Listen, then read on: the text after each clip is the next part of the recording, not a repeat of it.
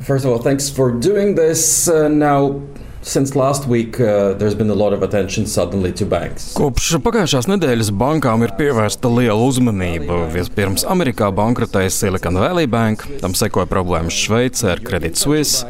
Eiropas centrālā banka mēģina visus nomierināt, sakot, ka kopš 2008. gada finanšu krīzes daudz kas ir paveikts un līdz ar to šobrīd nav gaidāma iepriekšējās krīzes atkārtošanās. Vai jūs pievienojaties šim viedoklim? Do you agree with their analysis? Yes, I very much agree with that. In the US, we have seen very specific problems, namely the Silicon Valley banks Jā, es tam pilnībā piekrītu. ASV ir bijušas specifiskas problēmas, jo Silicon Valley Bank bija investējusi aptuveni pusi no savas bilances ASV valdības vērtspapīros, kas parasti ir ārkārtīgi drošas. Bet šī banka to izdarīja pirms diviem gadiem, kad procentu likmes bija ļoti zemas. Kopš tā laika procentu likmes ASV ir ievērojami pieaugušas. Tas nozīmē, ka valdības vērtspapīra vērtība būtiski samazinājās. Tādēļ banka sastapās ar uzticības krīzi.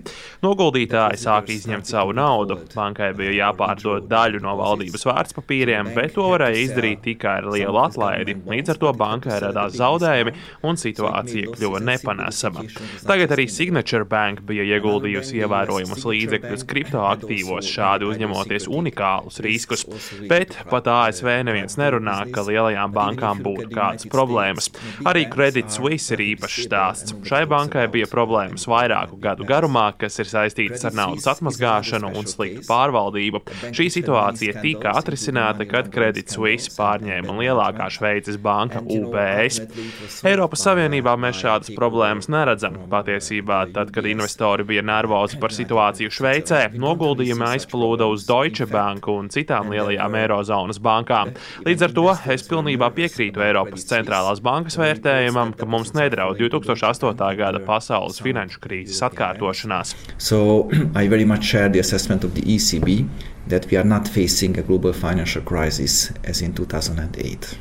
Second, uh, on, uh. Pakavēsimies nedaudz pie UBS bankas. Šveices politiķi jau izsaka bažas, ka pēc šīs vairāk vai mazāk piespiedu konkurentu pārņemšanas UBS ir palikusi tik liela, ka gadījumā, ja tai kādreiz būs problēmas, tad nav skaidrs, kurš varēs palīdzēt.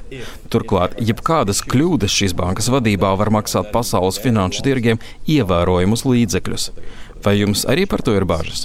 Do you have, do you? There are other big banks as well all around the world Now, clearly, UBS now became a really big bank. Visā pasaulē ir arī citas lielas bankas. Ir skaidrs, ka UBS tagad ir kļuvusi par ļoti lielu banku. Ja nemaldos, tad tā tagad ir trešā vai ceturtā lielākā banka pasaulē pēc kapitāla apjoma. Tas nozīmē, ka gadījumā, ja UBS rastos grūtības, tad tas radītu sistemātiskus draudus ne tikai Šveicē, bet arī citās valstīs, kam ir ciešas saiknes ar šo banku. Tomēr noteikumi sistemātiski nozīmīgām bankām nosaka krietni lielākas kapitāla kapitāla un likviditātes prasības. Līdz šim UBS ir varējusi izpildīt šīs prasības un saglabāt investoru uzticību.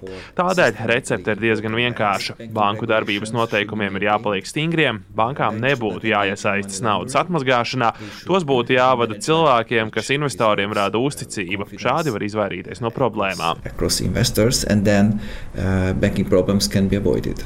Um, Eiropas centrālās bankas uzraudzības valdes vadītājs Andrejā Enrija šonadēļ ir uzstājies Eiropas parlamentā un ir sacījis, ka galvenais veids, kā izvairīties no tādām problēmām, kādas radās Silicon Valley Bank vai Signature Bank, ir nepieļaut tik ekstrēmus biznesa modeļus. Tāds bija viņa vērtējums. Vai regulātori Eiropā var tik lielā mērā ierobežot banku biznesa modeli, lai nepieļautu pārāk lielu risku uzņemšanos? Varbūt arī Eiropā ir bankas, kas masveidā iegulda kriptoaktīvos vai aizdot naudu jaunu uzņēmējiem. Already in place, for example, which limits the exposure of a, of a financial institution. Jau tagad pastāv noteikumi, kas ierobežo finanšu iestādes sadarbības apjomu ar vienas grupas uzņēmumiem. Es varētu iedomāties, ka nākotnē varētu tikt ierobežots arī banku sadarbības apjoms ar kriptoaktīvu tirgu kopumā, nevis tikai ar atsevišķiem tā spēlētājiem. Tā varētu būt viena no iespējām. Es domāju, ka šobrīd Frankfurtē, Bāzelē, Ņujorkā un citviet pasaulē finanšu regulatori cītīgi domā, kā uzņemt uzlabot finanšu uzraudzību, lai izvairītos no tādām situācijām, kā tikko notika ASV. Mēs daudz ko esam mācījušies no 2008. gada finanšu krīzes, un esmu pārliecināts, ka mēs daudz ko iemācīsimies arī no pašreizējās nestabilitātes banku tirgos. Bet kāda būtu jūsu prognoze? Vai ir sagaidāmi jauni un stingrāki noteikumi banku darbībai?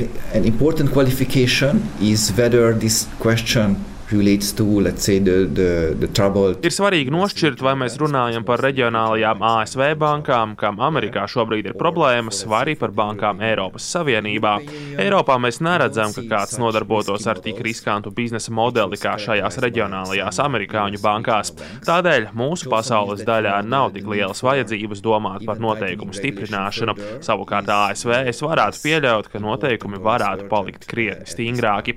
Eiropā lielāko uzmanību vajadzētu vajadzētu pievērst rūpīgai augsta līmeņa banku uzraudzībai. Kopš 2012. gada krīzes, kad tika izveidota Banku Savienība, ar to nodarbojas Eiropas centrālā banka. Viņiem ir ļoti daudz informācijas par banku bilancēm, par to, kur pastāv riski un kādi riska modeļi tiek izmantoti.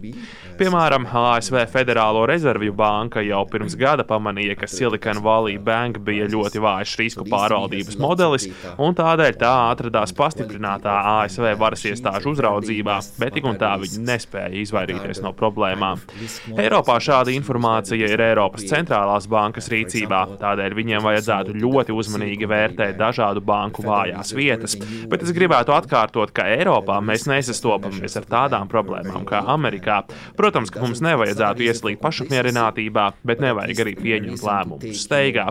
Tiem ir jābūt labi izsvērtiem un savlaicīgiem, lai regulātori varētu saprast, kāds ir labākais veids, veids, kā vēl vairāk samazināt riskus banku nozarē. Even limit even further risks in the European banking industry.